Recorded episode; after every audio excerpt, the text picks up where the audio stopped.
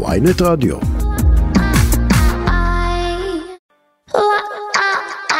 עכשיו בוויינט רדיו, כסף חדש עם צחי שדה.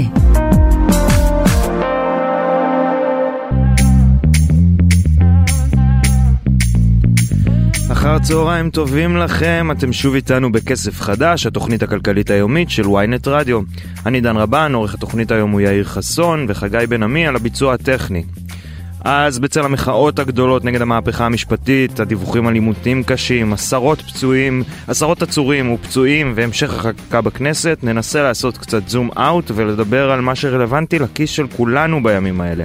נדבר בין היתר על השינוי שמקדם משרד האוצר בנקודות הזיכוי ממס להורים ועל המשמעות שלו, על מסלולי הפנסיה שלנו, אילו מסלולים קיימים ואילו מהם פחות מושפעים מהתהפוכות בבורסה הישראלית. נשוחח גם על הירידות החדות במניות הנדל"ן, למה דווקא זה אחד מהסקטורים שנפגעים הכי קשה בתקופת הקורונה. אה, בתקופה האחרונה, סליחה, ואיך גם הוא קשור להשפעות המהפכה המשפטית. לקראת סוף התוכנית נעשה אתנחתא במרכאות כפולות ונדבר על מותג האופנה החדש של פוקס שפונה לצעירות רזות בלבד ועל הסערה סביב ההשקה שלו ברשת. אבל קודם כל אני רוצה להגיד שלום לצחי שדה, עורך ערוץ הכלכלה של ynet. שלום לך. אהלן דן. אז משרד האוצר הודיע אמש שנקודות הזיכוי ממס לילדים בגילאים 6 עד 12 ישולמו עד סוף 2023 ולא יופסקו בפברואר. ההחלטה להרחיב את נקודות הזיכוי גם לילדים בגיל 13 עד 18 עוד עומדת בסימן שאלה. בוא תסביר לנו, תעשה לנו סדר, מה זה אומר נקודות זיכוי, מה ההחלטה, מה העריכו, מה לא. טוב, אז קודם כל, באמת, אה, אה, אתמול פורסם בערב צו של אה, משרד האוצר, שלפיו בעצם הנקודות זיכוי על ילדים בגילי 6 עד 12 שהורים קיבלו במהלך השנה האחרונה, בגלל היוזמה הקוד... של הממשלה הקודמת, ימשיכו עד סוף השנה. הם היו אמורים לי... להיגמר ממש בחודש הזה, כבר בעצם זה הגיע ל... ל... בסוף פברואר זה נגמר, עכשיו האריכו את הוראת השעה הזאתי. ו... אני אנסה באמת להסביר למה זה כל כך חשוב ולמה איך זה משפיע באמת אה, אה, על הכיס שלנו. אז קודם כל נקודת זיכוי צריך להזכיר אה, היא שווה 235 שקלים בחודש אה, לכל אחד במס. יש נקודות זיכוי אחרות גם שאנחנו יודעים שאפשר לקבל. גם אה, אה, אה, נשים מקבלים נקודת זיכוי אחת יותר יש עוד המון אה, אה, כל מיני סוגים של נקודות זיכוי שאפשר לקבל אה, מכל מיני אה, מכל מיני סיבות. אבל בעיקרון כשאם מדובר בגבר שהוא אה, אה, אה, מקבל שתי, שתיים ורבע נקודות זיכוי כל שנה, אז זה, זה, זה הבסיס. מתוקף יותר פשוט תושב ישראל. כן, נכון? תושב ישראל, נכון. זה הבסיס, וכל אישה מקבלת עוד חצי נקודה? נכון, זה בדיוק. זה גם הבסיס. בדיוק. עכשיו, זה אומר בעצם שאם אתה עובד ומרוויח כסף, למשל, מעל נגיד, זה פחות או יותר לפי מדרגות המס, נניח 8,000 שקל, 8,500 שקל אם אתה גבר, אז אתה יכול לקבל באמת אה, אה, נקודות זיכוי שמורידים לך מהמס, זאת אומרת הנטו שלך גדל. עכשיו, על, אה, עד עכשיו כמו שאמרנו, על כל ילד בגיל 6 עד 12 וזה על כל ילד לכל הורה, זאת אומרת אם יש לך שני ילדים אז על כל ילד אתה מקבל נקודת זיכוי אחת, גם האב, גם האם, גם אם יש שני אבות, שני אמהות, שתי אמהות, אז כל, כל אחד מקבל את הנקודות זיכוי האלה, ובעצם הנטו שלהם גדל אה, אה, במהלך הזמן הזה. הכוונה ש, של סמוטריץ' הייתה, וזה מה שאנחנו פרסמנו באמת לפני אה, כבר כמעט חודשיים, אה, זה לא הייתה כוונה, זו הייתה החלטה אפילו, שבתקציב הקרוב הנקודות זיכוי האלה יורחבו עד גיל 18. זאת אומרת, גם מי שיש לו ילדים בגילאי 13 עד 18 בשנת המס הנוכחית, יקבל נקודות זיכוי, נקודות זיכוי על הילדים האלה. שבעצם, וכמוב... צחי, גם מגיל 6 עד 12 זה חדש יחסית, לא? זה עניין של ה... של... נכון. מתקופת הקורונה? נכון, זה מה, ש... זה מה שאמרנו, שבאמת כן. ב... זה התחיל מלפני שנה. לפני זה היה, וזה קבוע בחוק, בלי תוקף של זמן, מ-0 עד 6 יש נקודת זיכוי על כל ילד. אז עכשיו הוא אומר, אני לא רק מעריך את זה, אני רוצה גם להגדיל את זה, יענו במסגרת אני נלחם ביוקר המחיה ו whatever. אז זהו, זה צריך להסביר באמת למה זה קשור ליוקר המחיה. אז כן, אז זה מה שהוא אמר. הוא אמר שזה חשוב מספיק כדי שהוא יכניס את זה לתקציב הקרוב, תכף נסביר גם כמה זה עולה ולמה זה אה, חשוב. כי בעצם הוא אומר, אני חושב שהמהלך הזה, שהוא מגדיל את הכנסת הנטו של האזרחים, וגם לא כולם מקבלים את זה, רק מי שעובד, צריך להזכיר, ו... זה גם רק מי שמרוויח מסכום מסוים. עכשיו, זה עדיין הרבה מאוד אנשים, ובחוק הקודם הייתה גם השלמה של זה שלמי שלא מגיע לסכום הזה, אבל כן עובד, יקבל מענק אה, עבודה אה, מוגדל, שזה גם אה, כרגע משהו שלא כל כך ברור אם הוא ממשיך ואיך הוא ממשיך, זה היה בממשלה צחי, גם צריך להגיד, זה לא סתם מי שעובד ומי ש... זה בדיוק האלקטורט של, של חבר הכנסת, של השר סמוטריץ', כלומר זה צעירים מהציונות הדתית עם הרבה ילדים בגילאים צעירים. שעובדים. ש... שעובדים, כן, שרובם זה לא, בניגוד לחרדים אחרות, נגיד, נכון, כן. נכון. זה בדיוק האלקטורט שלו, כלומר זה יטיב מאוד עם הבוחרים של סמוטריץ' והוא יודע את זה. אז מה באמת, כמה זה עולה למדינה? אוקיי, אז זהו. אז תראה, בעצם הנקודות זיכוי לגיל 6 עד 12 זה היה באמת שנה שעברה זה בסביבות ה-2.5 מיליארד שקלים 2.2 משהו כזה זה ככה האוצר מעריך את זה וצריך להבין זה עלות זה פשוט מזה שלא גובים מיסים, זאת אומרת זה הפסד מהכנסות ממיסים.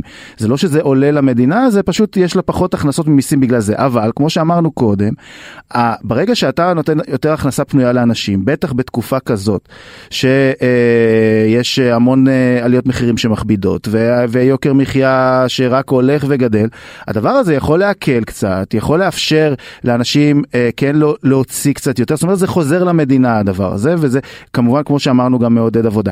עכשיו, אה, אם אה, מרחיב, ככל שמרחיבים את זה יותר, 13 עד 18 זה בסדר גודל של עוד 2 מיליארד שקלים. עכשיו, מה קרה? 2, 4. כן, משהו כזה, פלוס מינוס.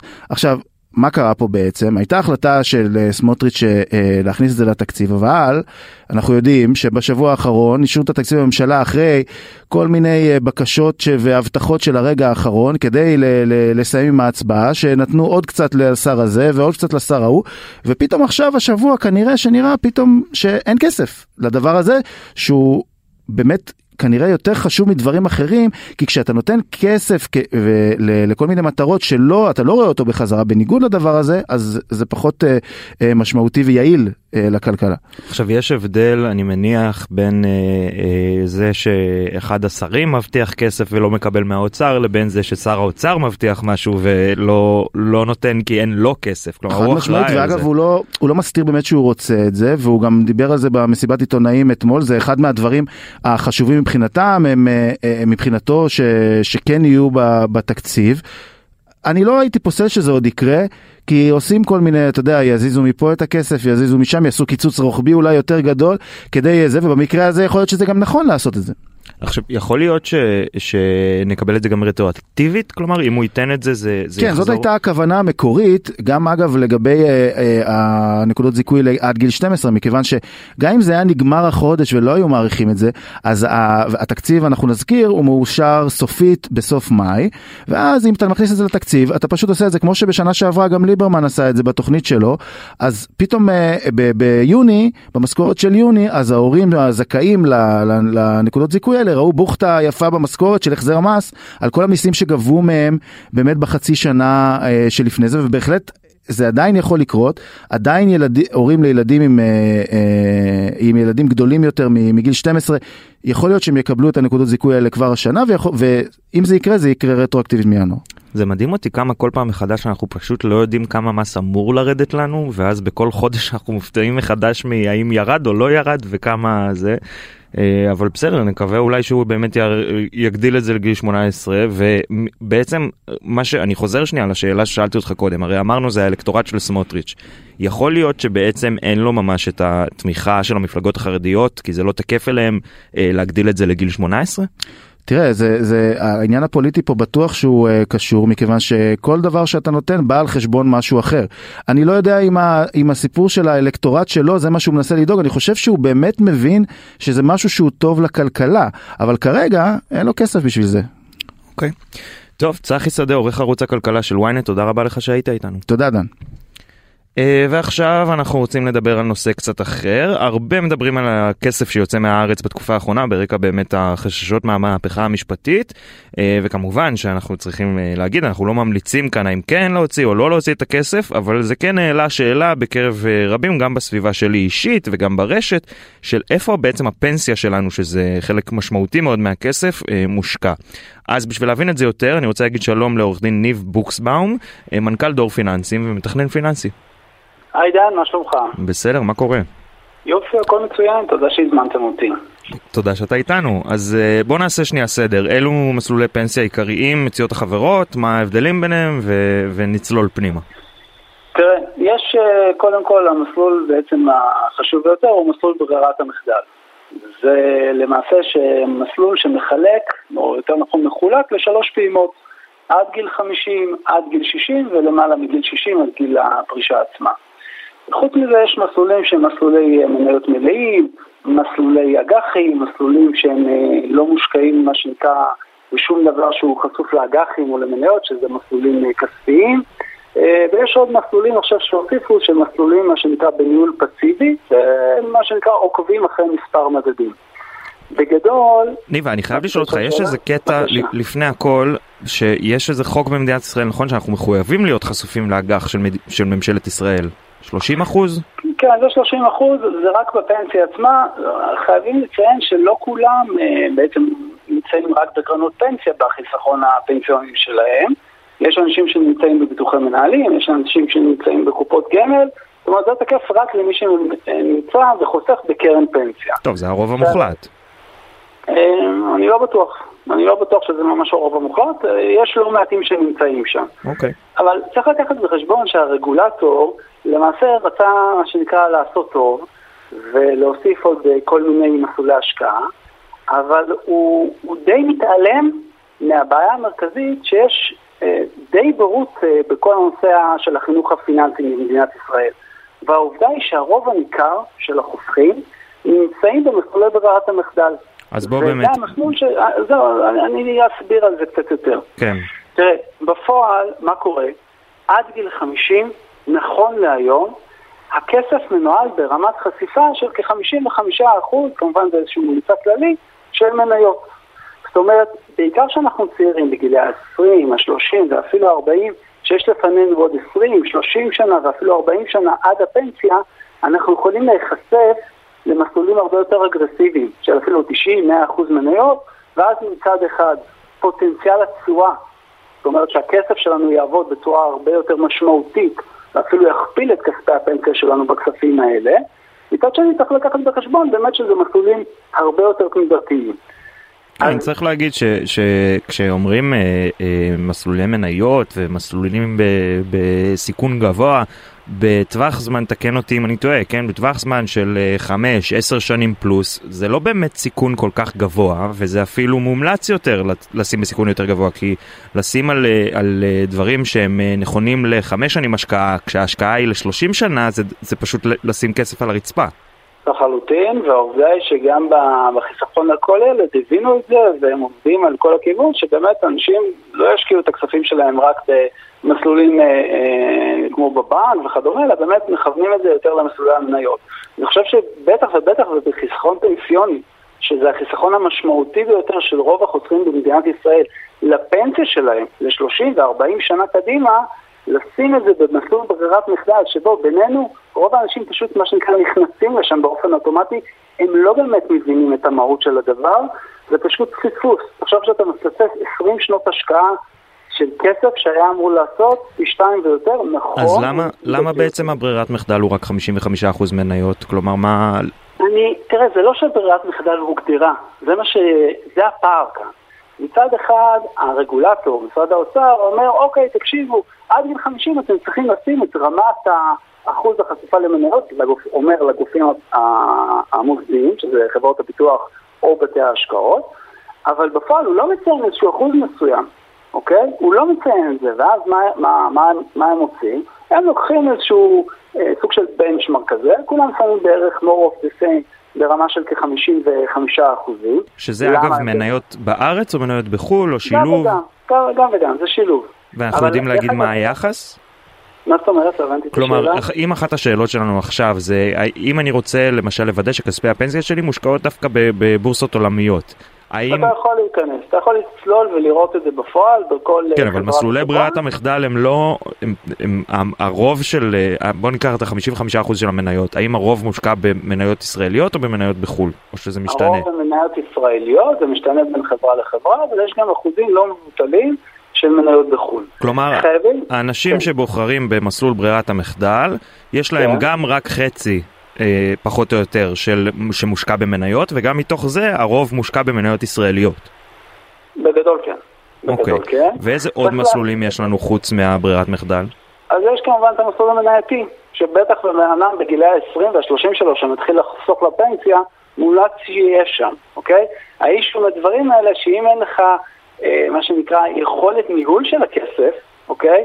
ואתה לא תשכיל ולבד משהו כמו 15-10 שנים לפני שתצא לפנסיה, תתחיל להוריד את רמת החשיפה שלך, אז, והכוונה להוריד את אחוז המניות, אז יכול להיווצר מצב שמה שנקרא בשנה, שנתיים האחרונות, לפני היציאה לפנסיה, אם יהיה משבר בשוק ההון, אתה יכול לחטוף מה שנקרא סתירה משמעותית על הכספים שלך, ירידה בערך הכסף. כן, כלומר כמו שאנחנו אומרים. שזה משהו ש, אה, שנכון לגיל מסוים, צריך לזכור בגיל אחר, בעצם כשעוברים את הגיל המסוים הזה, לחזור בחזרה לברירת המחדל או למסלולים פחות אה, מסוכנים. מדויק, ולכן ברירת המחדל, שהוא המסלול שרוב החוסכים נמצאים בו, צריך להיות מותאם בצורה כזאת. צריך, זאת אומרת, הרגולטור, שלטעמי התפקיד שלו זה להגן על החוסכים, ולגרום לכך שמצד אחד יהיה להם יותר כסף בפנסיה, ומצד שני הם ימזערו את החשיפה לקראת היציאה לפנסיה עצמה, הוא צריך לדאוג למסלולי ברירת מחדל שהם לא מה שנקרא אה, נתונים לגחמות של חברות הביטוח ובתי ההשקעות.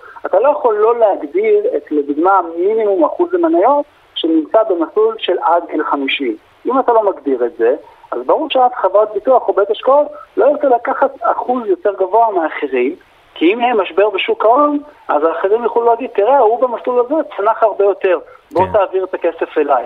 לכן יש פה איזשהו אינטרס שהוא סותר. כן, בבקשה. חוץ, חוץ מה... אה, באמת המסלול, אז דיברנו על המסלולים שהם ברירת מחדל ועל המסלול המנייתי, יש עוד אופציות? יש מסלולי אג"חים, יש אה, היום הכניסו מה שנקרא, אה, הם הוסיפו את המסלולים הפסיביים, אוקיי? ששם כביכול דמי הניהול אמורים להיות מוזלים, שזה נחמד, אבל זה לא באמת ה-game changer על הכסף שלנו. אה, מה שהכי משקיע זה רמת החשיפה למניות, רמת הסיכון. אה, ודרך אגב, גם כאן, במסלולים הפסיביים, הם מה שנקרא הרגולטור עשה, אבל סוג של פספס, אוקיי? זאת אומרת, בפועל באמת הוכח שניהול אקטיבי של גוף, אה, של כסף, באמת, לרוב הוא לא משיג תשואה יותר טובה מאשר כסף שמנוהל באופן פסיבי, בסדר? מהמם. עכשיו, אה, אז מה בסוף חייבו את הגופים המוסדיים אה, אה, להוסיף איזה מסלול? את המסלול הגמיש, שהוא משלב כמה, מה שנקרא, מדדי מניות, מדדי אג"ח, ממשלתי מה שנקרא. פסיבי אקטיבי. בול. כי גם כאן בפועל מי שקובע בפנים את החלוקה זה לא משרד האוצר, אלא זה הגוף זה המוסדי. החברה, ברור. כן. אז בעצם עשו, אבל לטעמי פספסו. אז איך אם בעצם- מאוד דואגים לזה במסלולי ברירת המחדל, אוקיי, להכוונה הזאת, רוב החוסכים פשוט יפספסו הרבה כסף על פנסיה. אז איך בעצם אנחנו באמת אה, אה, יודעים במה לבחור, מה נכון לנו יותר?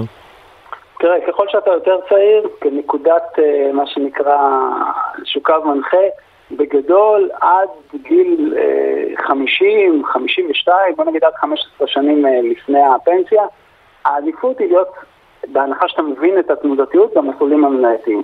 שם הפוטנציאל התשואה הוא משמעותי ביותר. לאחר מכן, אתה צריך לאט לאט להוריד את אחוז החשיפה. זאת אומרת, אני לא אכנס עכשיו לכל שמות המסלולים, אבל יש מסלולים מסוימים שאתה יכול לבחור להיות ב-100% מניות, ואחרי זה לרדת לרמה נגיד של 60-50% מניות, ואחרי זה לרדת הלאה לקראת גילי ה-60 ל-25% מניות ואפילו פחות מזה. וזה למעשה מצד אחד ייתן לך פוטנציאל תשואה בשנים שאתה צעיר יותר, במחיר של תנודתיות, ומצד שני, ככל שתתבגר, תהיה ירידה ברמת החשיפה כדי שלא תיפגע יהיה משבר בשוק ההון בסמוך ליציאה לפנסיה. ועכשיו, אני, אני יודע שאמרנו שזה פחות משמעותי באמת משיעור החשיפה שלנו, אבל בכל זאת אני רוצה בחצי דקה להגיד מילה על אה, דמי צבירה ודמי ניהול. מה, מה ההבדל ביניהם? כמה כדאי לשלם בכל אחד מהם? הרי יש מסלולים, זה כמעט תמיד אה, בעל חשבון, כלומר או שאתה משלם דמי אה, ניהול יותר גבוהים על דמי צבירה יותר נמוכים, או הפוך. אה, תסביר לנו שנייה מה... אז שוב אני אומר, ככל, תראה, בעיקרון בקרנות הפנסיה וביטוחי המנהלים משלמים דמי ניהול גם בהפקדה החודשית, מה שנקרא, בשוטף קוראים לזה, וגם מסך הכסף שמתנהל בחיסכון הזה, מה שנקרא מהצבירה. אז, אז יש לנו גם את, אה, דמי ההפקדה שזה על כל חודש, כלומר זה אחוז מהמס שאנחנו משלמים פר המשכורת מסך שלנו, ההפקדה, כן. מסך ההפקדה, ויש לנו גם את הרחב יותר שזה על כל מה שחסכנו עד עכשיו. נכון. עכשיו ההיגיון שלי, תקן אותי אם אני טועה, אומר שכשהמשכורת שלנו נמוכה אנחנו רוצים דמי הפקדה אה, גבוהים יותר ודמי צבירה נמוכים יותר, והפוך. בגדול, הכלל אצבע אומר כזה דבר. כשיש לך מעט כסף שצברת בקרן הפנסיה, אז מן הסתם, ואתה מפקיד ויש לך באמת משכורת גבוהה כמו שאמרת, אז מן הסתם עדיף שה... שהצבירה אה, היא תהיה פחות אה, משמעותית, אוקיי?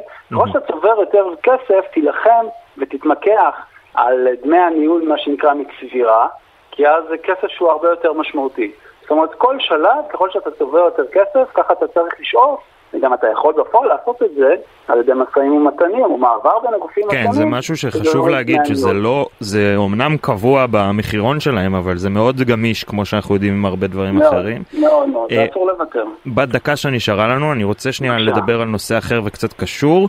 אה, בשנת 2025 אמור היה סכום הקצבה אה, שפטורה ממס לגדול מ-4,742 שקלים ל-6,110.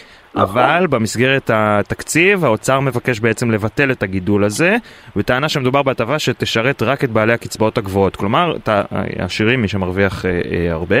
בהסתדרות מאיימים אה, במאבק נגד ההחלטה, תסביר לנו שנייה, אה, בסוף בהרבה מאוד ראיתי בכל מיני אה, עיתונים וערוצים כלכליים, לא נאמר את שמם, היה כתוב, אתה יודע, בכותרת מפוצצת, המדינה הולכת לקחת לכם עוד אלפי שקלים מהמשכורת, בפועל לא, המדינה הולכת לא לתת לכם עוד אלפי שקלים, כלומר, המצב כיום הוא זה. הת- די ההטבה נכון. הייתה אמורה להיכנס, וכרגע הם רוצים לא להכניס אותה. נכון, להקפיא אותה. כן, זאת אומרת, ב-2025 באמת אה, היה אמור להיות זינוק שמ-52 אחוז אה, גובה פטור על אה, קצבה או משיכה של סכומים חד פעמיים ל-67 אחוזים. עכשיו מה זה אומר בפועל? באמת, מ, מ, אה, אם יש לך פנסיה של 9,000 אה, שקלים בחודש בערך, אז היית אמור באמת לקבל קצבה מתוך זה שהיא פטורה של כ-4,700 ו... והיית אמור לזנק לקצבה של 6,100. זאת אומרת, בפועל זה כ-1,400 שקלים בחודש שהם לא יהיו פטורים אה, אה, כיום ממס. הבעיה לדעתי היותר חריפה זה לאו דווקא בזה. זה באפשרות של המשיכה של הסכומים החד פעמיים, אוקיי? כיום סכום חד פעמי שאתה יכול, שוב, לא ניכנס לכל הניואנסים כי יש המון, אבל אה, למשוך כ- כפטור ממס הוא 850 אלף שקלים. זה היה אמור לזנק עד למיליון ומאה אלף שקלים. מהמם. אני חושב שמי שהכי ייפגע מזה זה כל מיני חבר'ה שמצד אחד פנסיונרים, אני מדבר כבר בפועל, שהתחילו לקבל פנסיה, המשיכו לעבוד ולהפקיד לפנסיה מתוך איזושהי תקווה לייצר לעצמם איזשהו סכום שהוא חד פעמי, אוקיי? שהוא יהיה פטור. וחבר'ה כאלה, לאו דווקא שהם מה שנקרא הפנסיונרים, ה- אתה יודע, עם השמנה והסלטה, מכל מיני אה, פנסיות כבדות של פעם, אלא חבר'ה שהיום, שתכננו לקבל עוד איזשהו סכום שהוא פטור, סכום חד פעמי, יש מצב שהם ייפגעו גם אפילו ב... יש מצב אפילו בעשרות אלפי שקלים, שוב, זה תלוי בגובה הסכום שהם אה, תכננו לייצר, אז אלה באמת לדעתי כן הולכים להיפגע. אה, זה בגדול לגבי זה. אוקיי. טוב, ניב בוקסבאום, מנכ"ל דור פיננסי ומתכנן פיננסי, תודה רבה לך שהיית איתנו. בשמחה דן, להתראות. ביי ביי. אנחנו מזכירים לכם שאם אתם רוצים להאזין לנו אה, מאוחר יותר לכל התוכניות והרעיונות אתם יכולים לעשות את זה או במתחם הרדיו או באתר ynet או בכל אפליקציות הפודקאסטים המובילות.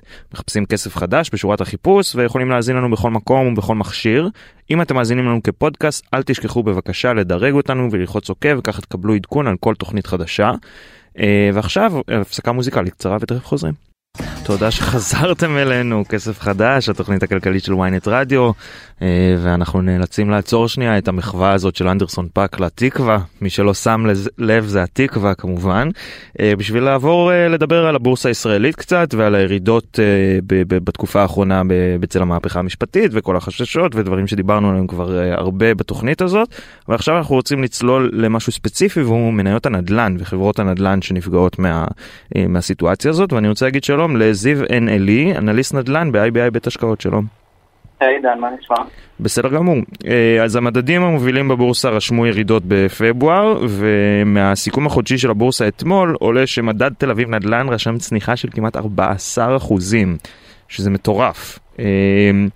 אני רוצה להבין ממך קצת מה, מה באמת קרה במניות הנדל"ן בחודש האחרון, למה הם היו מהנפגעות העיקריות של כל החששות עכשיו אה, סביב המהפכה והיציאה של כספים מהארץ והפגיעה בכלכלה הישראלית, אה, ותסביר לי קצת למה, למה, למה דווקא ענף הנדל"ן, הנדל"ן נפגע.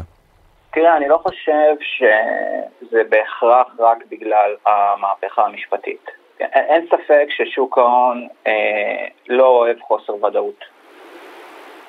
אוקיי, אז, אז אוקיי. בגלל מה זה?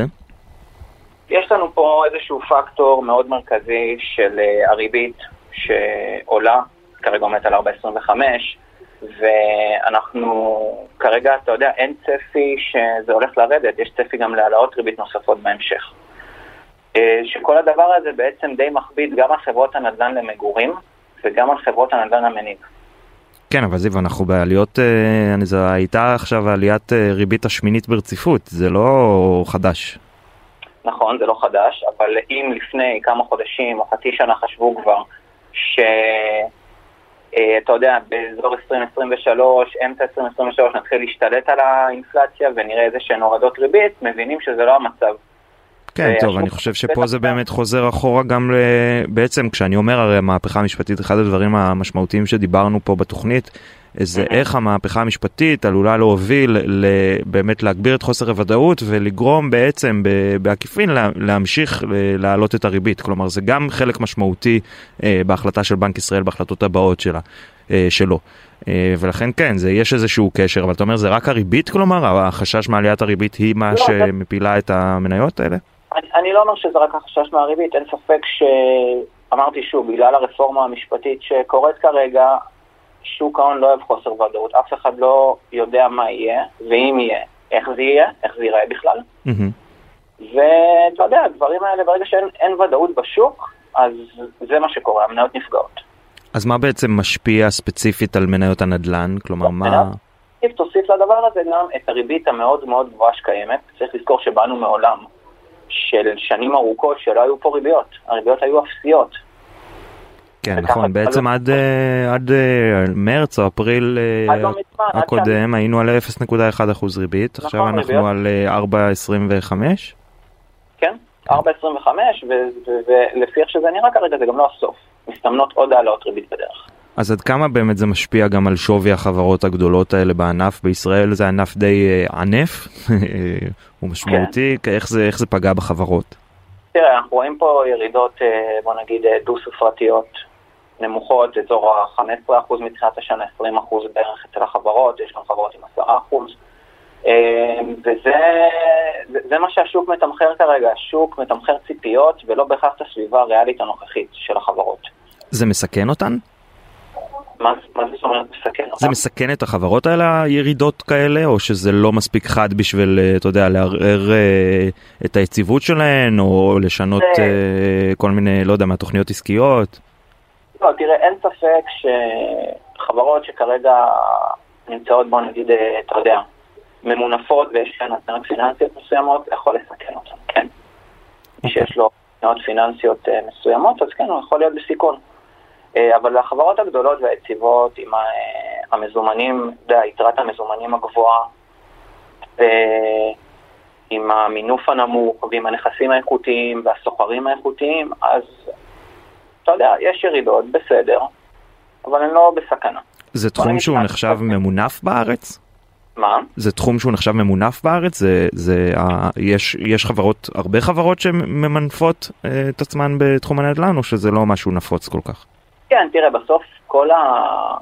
כל המודל הזה של נדל"ן מניב, הוא מושתת על חוב. הרי חברת נדל"ן מניב באה, מגייסת חוב, על החוב הזה יש, יש ריבית, עם החוב היא הולכת וקונה איזשהו נכס, מזכירה את הנכס לצד שלישי.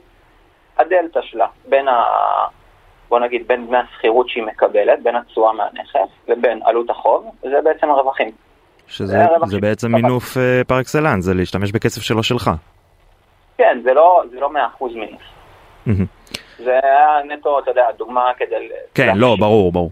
אה, אז מי בעצם עשוי להרוויח מהדבר הזה, מהירידות של החברות האלה? יש חברות השקעה שמחכות לאסוף נכסים בזול, או אולי ציבור רוכשי הדירות, יכול להיות שזה יתגלגל למחירים, איך זה, איך זה אז עובד? בקשר, בקשר למגורים, גם פה אנחנו רואים איזושהי מגמה ששוב, בגלל העלאת הריבית, אה, כוח הקנייה של אה, הצרכן נשחק, של רוכשי הדירות נשחק, ואנחנו כרגע, מה שמסתמן כרגע זה שהשוק בעצם מחפש איזושהי נקודת איזון חדשה בין מוכרי הדירות לרוכשי הדירות, אוקיי. אוקיי? מבחינת אה, נדל"ן אה, מניב, כרגע אנחנו, אתה יודע, אם יהיו איזה שהן אולי אה, חברות שבאמת בבעיה תזרימית מאוד גדולה ויצטרכו להכניס שותפים או למכור נכסים, אז אנחנו כן נראה, אני מאמין שנראה גופים שאם הם ימצאו הזדמנויות, אז הם, הם ילכו על זה. אני אתה יודע, מודה שלא ממש הבנתי את נקודת האיזון. נקודת איזון זה אומר הטבות לרוכשים? זה אומר ירידה במחירים? מה זה אומר? זה יכול להיות הכל, תראה, בסוף גם הטבה לר- לרוכש זה איזושהי ירידה במחיר הדירה בסוף. אם- Mhm. במחיר המשכנתה, בוא נקרא לזה, בעצם ב- ב- בהלוואה שהשוכר לוקח, שהרוכש לוקח, סליחה. אז אתה אומר, יכול להיות שבעצם בהעלאת אה, הריביות, שחלק מהמטרה, המטרה העיקרית שלה בעצם זה להילחם באינפלציה ובין היתר במחירי הדיור. יד, כלומר, בנק ישראל ידע שזה יפגע במניות הנדל"ן ושזה חלק מהתוכנית. אני לא יודע אם זה חלק מהתוכנית, תראה, בסוף התוכנית, זה, אני, אני לא חושב, תראה, להגיד חלק מהתוכנית זה לא נכון. בסוף התוכנית היא להוריד את האינפלציה. מהמם. זו המשימה העיקרית, ובשביל זה בנק ישראל מעלה את הריבית. נכון שזה כואב לכולם, וזה קשה כרגע, וכולם מרגישים את זה, אבל זה, זה מה שצריך לעשות כרגע. ואני לא חושב שהוא כיוון את זה במכוון לחברות הנדל"ן, הרי בסוף כולם, כל החברות נפגעות מהריבית הזאת. גם חברות ההייטק וגם האנרגיה, ו... כולם נפגעים מהדבר הזה, כי... ואתה לא אם חושב שחברות הנדל"ן נפגעות קצת יותר בגלל כל הסוגיה של באמת משכנתאות ו- וזה שהן בנויות כן, על. הלוואות? יכול להיות שהן נפגעות קצת יותר, אבל להגיד, אתה יודע, זה, זה לא היה מכוון למניות הנדל"ן, בוא נגיד ככה. טוב, זיו אנלי, אנליסט נדל"ן ב-IBI בית השקעות, תודה רבה לך שהיית איתנו. בכיף, תודה לכם. ועכשיו אנחנו רוצים להישאר באותו נושא באמת של הפגיעה במניות הנדל"ן ובחברות הנדל"ן ולהגיד שלום לרועי כנר, מנכ"ל קבוצת מוטיפיורי נדל"ן. שלום רועי. אחר צהריים טובים דן. אז בעצם באותו נושא ואותה פגיעה אה, אפשרית בכלכלה הישראלית, אתה מספר לנו על ביטולי רכישות נדל"ן מצד תושבי חוץ. אכן כן. ספר לי קצת מה, מה גילית, במה מה בדיוק ההתמחות שלך ואיך ראית את זה קורה. אז הסוכנות שלנו, סוכנות מונטיפיורי, סוכנות נדל"ן שמעניקה שירותים אה, בין השאר למשקיעים ותושבי חוץ אה, מכל רחבי העולם. ובאמת ב- לפני חודש, חודש וחצי, התחלנו לקבל יותר ויותר טלפונים ממשקיעים, חלקם כבר אה, משקיעים פעילים שנמצאים במשאים ומתנים להשקעות בישראל, בנדל"ן כמובן.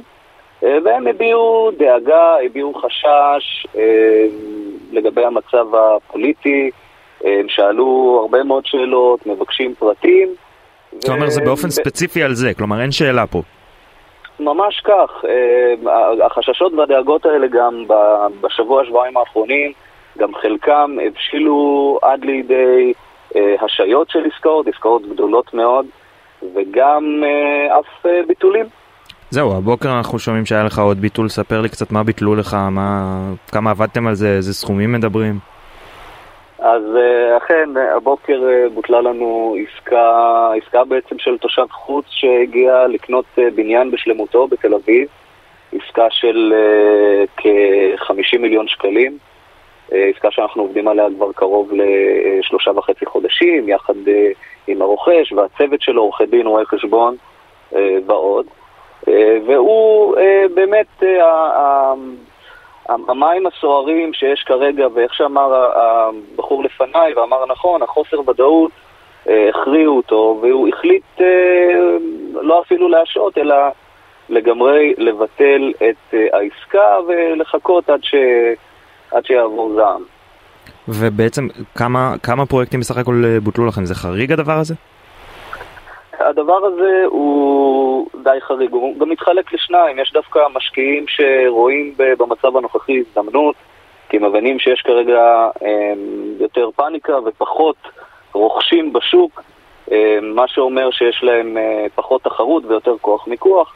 ויש גם חבר'ה שניזונים, בסופו של דבר רוב רובם של המשקיעים שלנו הם משקיעים יהודים, הם מחוברים למדינה, הם מחוברים לתקשורת, הם ניזונים המון מהתקשורת, המצב המקרו-כלכלי מאוד מעניין אותם, ואותם חבר'ה באמת, שה, מה שנקרא, החוסר ודאות הכריע אותם, ואנחנו עומדים כרגע על ביטול, באמת ביטול או השעיה רביעית בחודש האחרון, ומקווים שהדברים יחזרו לשגרה. או אם אני מבקש ממך לעשות uh, שנייה, דיברת הרי שזה יכול גם לעזור מצד שני, האם זה באמת, מה זה יותר? זה עזר יותר? זה הכניס יותר משקיעים שרואים את זה כהזדמנות או יותר פגע? תראה, זה מה שאנחנו מרגישים uh, בתחום תושבי החוץ. תושבי החוץ, בניגוד לישראלים שהם נמצאים פה, מרגישים את השוק, עברו כבר יחד uh, עם המדינה שהם חיים במשברים גם יותר גדולים ממה שהיה עכשיו, מבצעים ומלחמות, אז יש כאלה, לפחות לדעתי, החכמים ביניהם, מזהים את העובדה שיש כרגע פחות אה, רוכשים אקטיביים בשוק ומנצלים את חוסר התחרות. כלומר, אתה אומר, אה, אלה שמזהים את ההזדמנויות זה בעיקר ישראלים מקומיים.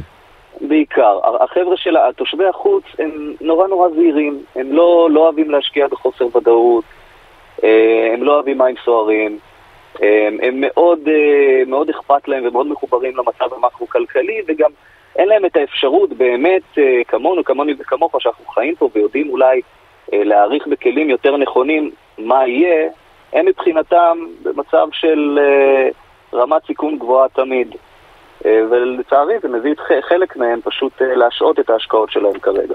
אוי, זה מדובר רק על שוק היוקרה? אני...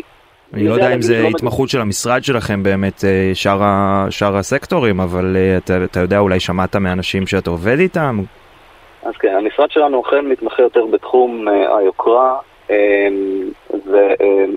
והשקעות um, מיוחדות נקרא לזה, uh, אבל אני יודע גם מקולגות שלי שעובדים עם uh, תושבי חוץ, שכרגע תושבי החוץ, חלקם, כן, לא הייתי אומר רובם, אנחנו שומעים על מקרים um, שפשוט עצרו עסקאות, אני שמעתי על פרויקט מסוים שנעצרו בו כרגע um, שלוש עסקאות בו זמנית. אה, וזה היה, וזה היה ברור לנו שזה יקרה, ואני מאוד מקווה שוב שהדברים, אה, אה, שנחזור לשגרה בריאה. עכשיו, אתה ראית דברים כאלה קורים גם נגיד בתקופות אחרות של, אוקיי, לא מהפכה משפט, משפטית אולי, כי זה לראשונה גם אצלנו, אבל נגיד, לא יודע מה, פיגועים או מלחמה או דברים כאלה, זה, זה גם משפיע? קורונה? האמת היא שראינו את זה המון פעמים. ראינו את זה בקורונה, ראינו את זה במבצעים צבאיים, ראינו את זה שיש אסקלציה עם עזה, אמ, אנחנו ראינו את זה שיש פתאום תקופה של פיגועים, אז הדברים יותר נעצרים. אנחנו צריכים להבין שכל החבר'ה האלה, אה, תושבי החוץ, שגם דרך אגב, רבים מהלקוחות שלנו משקיעים פה גם בתחומי ההייטק, במדעי החיים ודברים רבים אחרים, והם ניזונים בסופו של דבר מהתקשורת ומהחברים שלהם בישראל, ולזה הם מאמינים, כי שוב, אין להם את הכלים באמת לאמוד את uh, רמת הסיכון כמו שיש לנו. אז אתה אומר, אני לא אה, דואג, זה כבר קרה וזה חוזר תמיד. אני, אני לא דואג כי אני מאמין, וזה כבר סוגיה סובייקטיבית שלי, אני מאמין שהמדינה תדע לצאת מהמשבר הזה כמו שהיא ידעה לצאת ממשברים רבים אחרים. ואתה חושב שאם לא נצליח, כלומר אם המהפכה הזאת באמת תקרה והחקיקה תתקדם והכל יושלם, זה עלול לפגוע גם בתחום הזה? כלומר פחות אה, אה, יהודים מתושבי חוץ אה, ירכשו פה נכסים? אני חושב שהתשובה היא כן, בעיקר משקיעים, כלומר חבר'ה שהבית שהם יקנו פה, הדירה או ההשקעה, זה לא צורך, אלא מה שנקרא מותרות או השקעה. אז ברגע שהמצב, אם המצב יימשך ככה, אז כל עניין המותרות וההשקעה כמובן אה, אה, ייחלש. כן, למה להכניס ראש למיטה חולה, מה שנקרא. בדיוק, זה בדיוק מה שהם חושבים, ולכן כרגע הם מעדיפים לשים את הכסף בצד, גם על חשבון לאבד עסקה טובה ולחכות עד יעבור זעם. טוב, רועי כנר, מנכ"ל קבוצת מונטיפיורי נדל"ן, תודה רבה לך שהיית איתנו. תודה לך. ועוד הפסקה מוזיקלית קצרה וכבר חוזרים. תודה שחזרתם אלינו כסף חדש, התוכנית הכלכלית של ynet רדיו. ועכשיו אנחנו באייטם האחרון שלנו, איך עבר הזמן מהר כשנהנים. אה, אני רוצה להגיד שלום לאיתי יעקב, כתב האופנה של ynet, שלום איתי. אהלן, אחר הצהריים טובים. אז קבוצת פוקס השיקה אתמול את מותג האופנה רבי ביי, איך אנחנו אומרים את זה? רובי ביי, רובי ביי. רובי ביי, כן. אה, הפונה לצעירות רזות בלבד, פחות או יותר, דגמים ממידה 0 עד מידה 2, אה, וזה די הסיר את הרשת. תספר לנו נכון. קצת מה על המותג החדש, מה הקטע, זה לא דבר חדש אה, שאין מידות אה, גדולות בחברות אופנה, לנשים במיוחד, אבל לא רק. ספר לנו קצת מה עכשיו. כן, אז אתמול, כמו שסיפרת, אה, שגם קבוצת פוקס, את אה, רשת החנויות רובי ביי, שזה מותג אה, אופנה פונה לצעירות בגילאים אה, 12 עד 24. אתמול הם באמת פתחו את אחת החנויות שלהם בקניון רמת אביב, והגעתי לשם, ואחת השאלות ששאלתי זה מה טווח המידות. ובאמת, אתה יודע, אפילו לא צריך לשאול, כי אתה רואה על הקולב שהדגמים מאוד מאוד מאוד קטנים. עכשיו, טווח המידות הוא בין 0 ל-2, שזה, אתה יודע, זה גם משהו שהוא מאוד אה, ארטילאי, מה זה בעצם 0, מה זה בעצם 2, אה, ואז אחת התשובות שלנו גם הייתה שנגיד 2 זה למידות קצת יותר, אה, לנערות יותר מלאות, 0 זה לנערות רזות, אבל אז אתה מגיע לג'ינסים, הג'ינסים מגיעים עד מידה 40. עכשיו, מידה 40 עליתי כשהייתי בכיתה ד' אולי.